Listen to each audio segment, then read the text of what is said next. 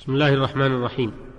الحمد لله رب العالمين والصلاة والسلام على نبينا محمد وعلى آله وصحبه وبعد. أيها المستمعون الكرام السلام عليكم ورحمة الله وبركاته.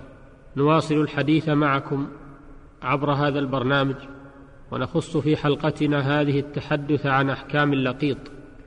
بعد أن تحدثنا فيما سبق عن أحكام اللقطة لعلاقته بها إذ اللقطة تختص بالأموال الضائعة وباب اللقيط يتناول أحكام الإنسان الضائع مما به يظهر شمول أحكام الإسلام لكل متطلبات الحياة وسبقه في كل مجال حيوي مفيد على نحو يفوق ما تعارف عليه عالم اليوم من إقامة دور الحضانة والملاجئ للحفاظ على الأيتام ومن لا عائل لهم من الأطفال والعجزة ومن ذلك عناية الإسلام بأمر اللقيط وهو الطفل الذي يوجد منبوذا أو يضل عن أهله ولا يعرف نسبه في الحالين فيجب على من وجده على تلك الحال أن يأخذه وجوبا كفائيا إذا قام به من يكفي سقط الإثم عن الباقين وإن تركه الكل اثموا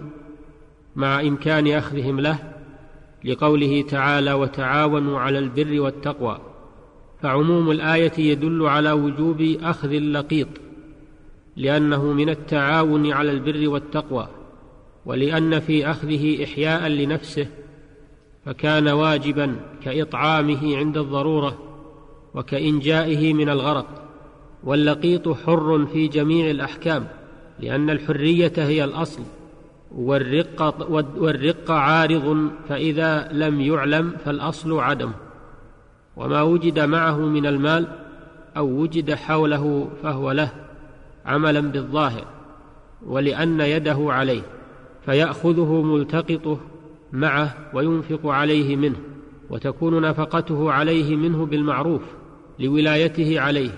وإن لم يوجد مع اللقيط شيء من المال أنفق عليه من بيت مال المسلمين.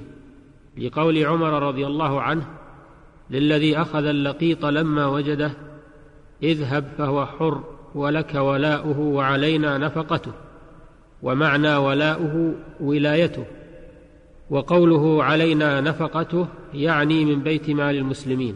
وفي لفظ أن عمر رضي الله عنه قال وعلينا رضاعه يعني في بيت مال المسلمين.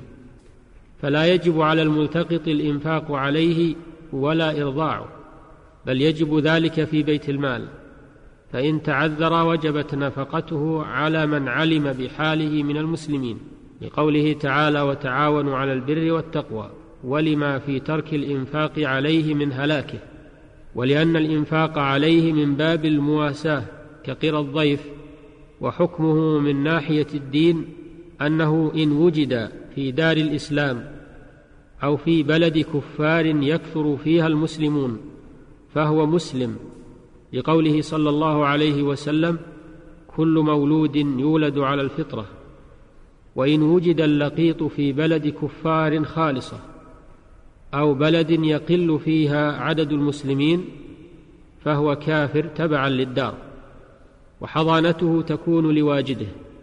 إذا كان أمينا لأن عمر رضي الله عنه أقر اللقيط في يد أبي جميلة حين علم أنه رجل صالح وقال لك ولاؤه أي ولايته ولسبق الملتقط إليه فكان أولى به وينفق عليه واجده مما وجد معه من نقد أو غيره لأنه وليه وينفق عليه بالمعروف كما سبق.